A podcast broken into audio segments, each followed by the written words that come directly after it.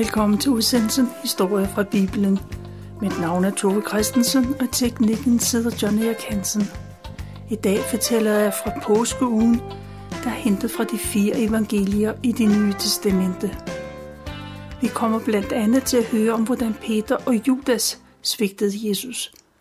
På hver deres måde forrådte de Jesus ganske få timer, før han døde. Torsdag aften, kun få timer før det blev langfredag, så forsikrede Peter højt og helligt, at han aldrig ville svigte Jesus. Det kunne godt være, at de andre ville svigte, men ikke ham. Peter var sikker på, at han kunne stå fast, stå fast som en klippe. Han ville leve op til det navn, Jesus gav ham. For Peter betød klippe. Som vi kommer til at høre om, så var Peter helt klar til at forsvare Jesus med våben. Men Jesus lod sig arrestere frivilligt. Han gik med soldaterne som en anden ynkelig forbryder. Det kan være, at Peter mistede troen på, det, på Jesus, som han kendte. I tre år havde han kendt Jesus som den, der helbredte og som hjalp folk i nød. Jesus var disciplenes leder, deres støtte og deres lærermester. Jesus havde for, prøvet at forberede disciplene på, hvad der skulle ske. Men Peter var ikke forberedt på at se en Jesus, der blev ydmygt og ringeagtet på den måde. Lige pludselig var Jesus en helt anden, end den han troede, han var. Peter svigtede Jesus, men det gjorde disciplen Judas også. Judas forrådte Jesus, og hans motiv var nok, at han følte sig ydmyget, da det gik op for ham, at Jesus vidste, at han stjal fra den fælles pengekasse. Jesus sagde det ikke højt, men Judas vidste, at han var afsløret, og det gjorde ham både vred og frustreret. Og som så mange andre, så vendte han sin vrede mod Jesus. Judas' kærlighed til penge var også årsag til, at han blev fristet til at forråde Jesus. Måske var det til sammen en anledning til at træde i karakter. Judas skal efter for sine indre stærke kræfter, han ellers har kunne holde nede. Judas forrådte Jesus med et kys. Det er nok en af historiens mest berygtede kys, Judas kysset. Det var netop det kys, der vendte op og ned på alt. En ven blev til fjende. Tegnet på kærlighed og venskab blev til et redskab for svigt og forræderi. Det kys førte fra liv til død. Efter Jesu død gik det op for Judas, hvad det var, han havde gjort. Han gik til præsterne for at aflevere de 30 sølvpenge og for at få tilgivelse. Men præsterne hverken kunne eller ville tilgive Judas. Han blev afvist, og Judas var helt alene. Han gjorde en ende på sit liv og begik selvmord. Og Peter ville ikke genkendes som en af Jesu disciple. Bagefter fortrød han også bitterligt.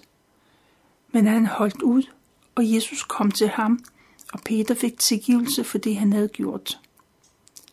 Judas og Peters historie fortæller om det påsken egentlig handler om. At Jesus døde og opstod, for han kunne tilgive syndere.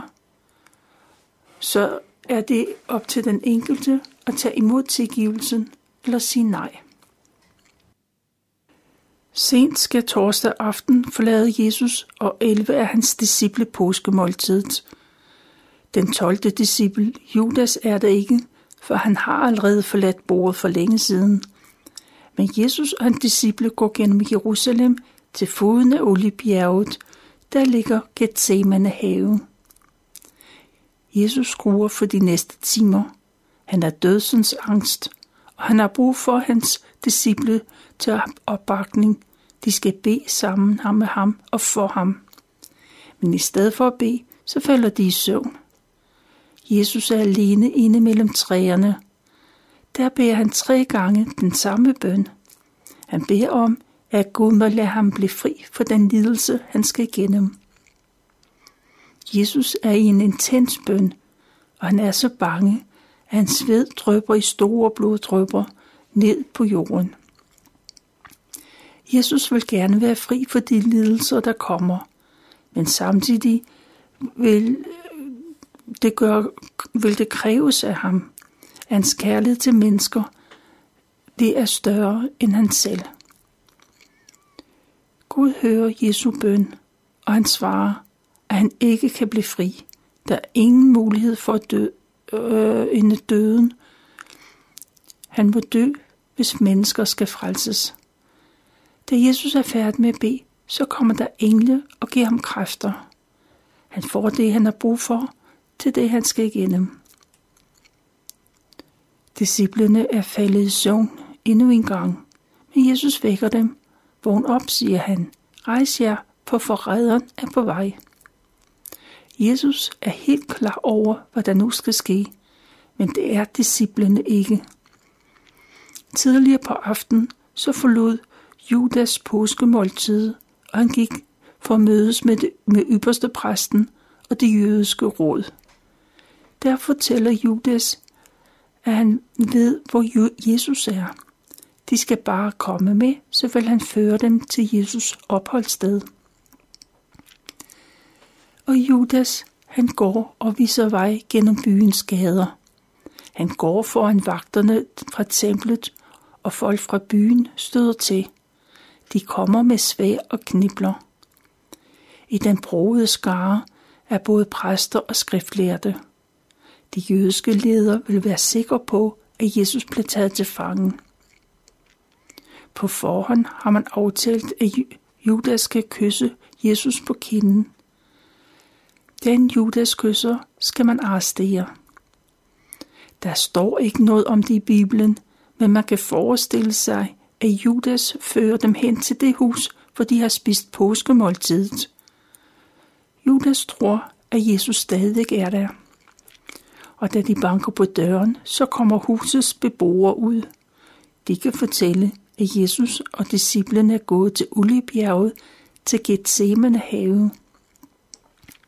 Judas ved, hvor det er. Han har ofte været der sammen med Jesus. Så går de i nattens mørke med brændende fakler og olielamper i hænderne. I det øjeblik, Jesus vækker de andre eller disciplene og siger, at forræderen er på vej, så dukker Judas op. Præsterne kommer med tempelvagterne og de mandlige tjenere, som er bevæbnet med svær og knibler. Der er sikkert også folk fra byen, der har fulgt med optoget. I første omgang ser disciplen ikke noget farligt i situationen. I de sidste dage har Jesus flere gange stået over for både præster og tempelvagter, men der er ikke sket noget. Judas kommer gående helt normalt hen til læ- sin lægermester. Han siger, god aften, mester, og han kysser Jesus på kinden. Og Jesus svarer, min ven, er det for at vise din hengivenhed, at du er kommet. Vagterne ser, hvem det er, Judas kysser, og de kommer for at arrestere ham. På det tidspunkt går det op for disciplene, hvad det er, der er ved at ske. De råber til Jesus, skal vi slås? Skal vi forsvare dig? Men der før der kommer et svar, så handler Peter. Han trækker sit svær og slår ud og rammer ypperste præstens tjener. Hans ører blev hugget af. Men Jesus ligger sig imellem. Stik det svære i skeden, beordrer Jesus. Der kommer kun udfred ud af at slås. Så rækker han hånden frem og rører ved mandens ører, der blev helt. Det er, som om der intet er sket. Vagternes leder giver ordre til, at man skal gribe Jesus. Og han prøver ikke at forsvare sig. Jesus lader sig binde. Og så spørger han Peter, om han ikke er klar over, at Jesus han bare selv kan råbe til Gud om hjælp, og så vil Gud sende tusindvis af engle. Men hvis der kommer engle og redder ham, hvordan skal Guds plan så gå i opfyldelse? Og så vender Jesus sig om. Han taler til præsterne og til landets ledere. de står mellem tempelvagterne og tjenerne og folk fra byen. Jesus siger med ironi i stemmen, at han virkelig må være en farlig forbryder, siden de er kommet med svær og knibler. Hvorfor har de ikke anholdt ham, da han var et templet? I flere dage har han undervist og helbredt, helt åbenlyst for alle. Jesus siger, at alt det, der nu sker, er en opfyldelse af de profetier, der er sagt i det gamle testamente. Med de ord, så skal præsterne ikke tro, at det er dem, der har magten, eller at det er deres egen beslutning. Det er Gud, der handler. Jesus vil gå frivilligt med, men det skal lade hans disciple være. Der er ingen grund til at tage dem til fange. Og det går op for disciplene, at, det, at hvad der er ved at ske, og så flygtede de til alle sider. Og Jesus blev ført tilbage til Jerusalem. Først så blev Jesus taget med til ypperste præstens svigerfar, Annas hedder han. Som den ældste i familien og tidligere øverste præst viser ham den store ære og respekt. Det er måske også mere ære end den nuværende meget yngre ypperste præst. Annas spørger Jesus om, hans, hvad hans læger går ud på. Men Jesus siger, at han har talt i fuldt offentlighed, både i synagogen og i templet. Intet er foregået bag lukkede døre, og man kan spørge ham, bare dem, der har, man kan spørge dem, der har hørt, hvad han har sagt. Det respektløse svar, det provokerer en af tempelvagterne så meget, at han slår Jesus i ansigtet. Er det en måde at svare en ypperste præst på? Jesus forsvarer sig. Hvis han har sagt noget forkert, så skal de sige, hvad det er. Hvis han derimod siger sandheden, hvorfor slår de ham så? Der er åbenbart ingen, der hverken kan eller vil svare på og det er ved at blive lyst, da Jesus fører os øh, ind i ypperste øh, præsten Kajfas bolig. Der er de skriftlærte og de jødiske ledere samlet. Der er kun én ypperste præst. Embedet går på skift, som man er ypperste præst for et år ad gangen. I det år er man Guds repræsentant på jorden. Det er ham, Jesus vil dømmes af, ikke andre. Jesus vil dømmes af Gud. Og Jesus står foran ypperste præsten og de jødiske råd, der består af præster og skriftlærte. Deres mål er at finde noget, de kan anklage Jesus for. De vil have Jesus dømt til døden, men de har ingen fældende beviser.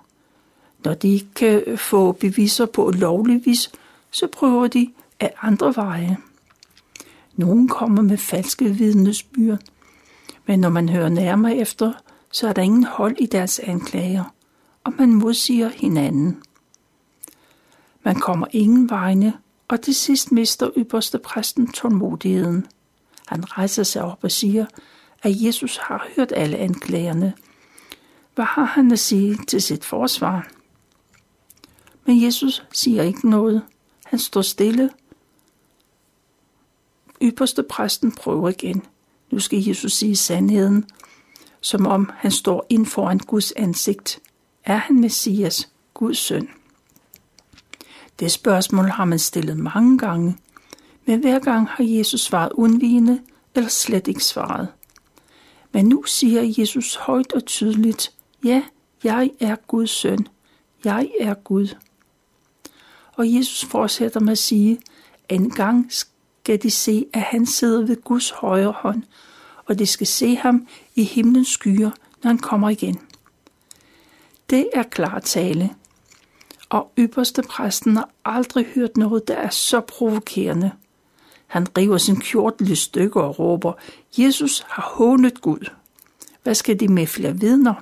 Han har fortjent at dø. Man nikker hele vejen rundt om bordet. Man er enig. De har hørt, hvordan Jesus taler gudsbespotligt. Der er kun én Gud, og det er Gud i himlen. Ingen skal komme og sige noget andet. Jesus har netop sagt, at han er Gud. og Jesus har gjort sig selv til Gud, og derfor har han afsagt sin egen dødsdom. Alle råber i munden på hinanden. Jesus er skyldig, og han skal dø. Man spytter på ham i ansigtet og slår med knytlevelsen lag. Andre slår Jesus med stokker, og de råber hånligt, du som er en profet, du må vide, hvem der slår dig. Selv retsbetjentene slår ham med stokke, når de fører ham ud af døren. Alle råber og er imod Jesus. Der er ren kaos i ypperste præstens bolig. Da Jesus bliver taget til fange, så flygter disciplene til alle sider. De er også bange for at blive arresteret. Man forsvinder i natten. Men Peter og Johannes løber ikke længere væk, end de kan se, hvor Jesus bliver ført hen. På afstand følger de efter, og de kommer til ypperste præstens hus. Peter og Johannes våger sig helt hen til præsteboligen. Johannes, han kender ypperstepræsten. Derfor går, får han mulighed for at tale med den pige, der står, ved, øh, står vagt ved porten. Men hun må kun lukke folk ind, der har et ærne. Men Johannes overtaler hende til, at han og Peter kan komme ind i gården. Pigen lukker porten op, og da Peter går forbi, så siger pigen, du er da vist en af Jesu disciple. Det spørgsmål kommer bag på Peter. Han regner ikke med at blive genkendt. Helt spontant siger han, nej, det er han ikke. Peter og Johannes sætter sig ned og venter på, at Jesus bliver løsladt. De har ofte oplevet, at præster og de ledende i landet har forsøgt at få Jesus til at sige noget, de kan dømme ham for. Men hver gang har de må lade Jesus gå. Det er kold nat, og man varmer sig ved den kulild, der er tændt. Det er et stort hus med mange tjeneste folk. Man kommer ind i gården for at varme sig og få lidt selskab. Peter fryser også, så han slutter sig til de andre. En af personale siger til Peter, du er da en af hans disciple, en af Jesu disciple. Alle ser på Peter, og han siger, nej, det er han ikke. Peter vil ikke have problemer, og før han får tænkt sig om, så har han for anden gang sagt øh, nej til, at han kendte Jesus. Men en af ypperste præstens tjener hører, hvad der bliver sagt. Han husker Peter, for han er i familie med den tjener, der fik hugget sit øre af. Derfor lader han særligt mærke til Peter. Jo, siger tjeneren, jeg så dig ude ved olivenplantagen, ude ved Gethsemane. Du var sammen med Jesus. De andre nikker. De kan høre, at Peter kommer fra Galilea, det område, hvor alle disciplene kommer fra. Igen benægter Peter. Han bander og sværger. Han kender overhovedet ikke den mand, der de taler om. Og så galer der en hane, og i det samme kommer Jesus ud af huset. Han vender sig om og ser på Peter. Da Peter får øjenkontakt med Jesus, så indser han, hvad det er, han har gjort. Det er kun ganske få timer siden, at Jesus sagde, at før han galede, så skulle Peter tre gange benægte, at han kendte Jesus. På det tidspunkt troede Peter, at sådan ville han aldrig kunne handle. Men nu går det op for ham, at det har han gjort. Han har svigtet og lade Jesus i stikken. Han ville så gerne hjælpe og støtte, men det gjorde han ikke. Peter går udenfor og græder. Han er knust og græder for tvivlsens tårer. Judas, han hører, at Jesus er dømt til døden. Han er skyld i, at Jesus blev dødsdømt, og han fortryder det, han har gjort. Samvittigheden tynger, og pengene brænder i lommen. Han går til de præster, han har lavet aftaler med. Han vil give dem de 30 sølvpenge tilbage og siger, at han har begået en fejl. Han er skyld i, at en uskyldig mand er blevet dømt til døden. I virkeligheden mener han nok, at de skal trække dødsdommen tilbage, for Jesus er jo uskyldig. Men præsterne er ligeglade med Judas. Hvad kommer det dem ved? Det må blive hans egen sag. Hvis Judas fortryder det, han har gjort, så hverken kan eller vil de hjælpe. De vil heller ikke tage imod de penge, de, øh, Judas har fået. Men Judas går hen til templet og smider dem ind af døren og går. Judas går uden for bymuren og hænger sig. Præsterne samler pengene op. De skal ikke ligge på gulvet i Guds hus. Man kan heller ikke lægge dem i indsamlingsbøssen til hjælp til de fattige, for der klæber blod til de penge. Det er ikke forenligt med templets arbejde. De penge kan helt sikkert ikke bruges til et helligt formål, men smide dem ud, det kan de heller ikke. Præsterne står i et dilemma, og de drøfter sagen frem og tilbage. Til sidst køber de den mark, hvor pottemageren henter deres slær. De vil bruge stedet til begravelsesplads for de ikke-jøder, der dør i Jerusalem. Efter den tid kalder man stedet for blodmarken. Det er ikke sikkert, at præsterne er klar over det, men deres handling er opfyldelse af en profeti, som profeten Jeremias kom med. Han skrev, at de tog 30 sølvmønter. Det var alt, hvad Israels folk vurderede ham til. De brugte pengene til at købe pottemagermarken. Og det er citat slut. Og det er, hvad jeg valgte at fortælle. Du kan læse om det i de fire evangelier i det nye testamente. Du kan for eksempel læse det i Markus evangeliet kapitel 14.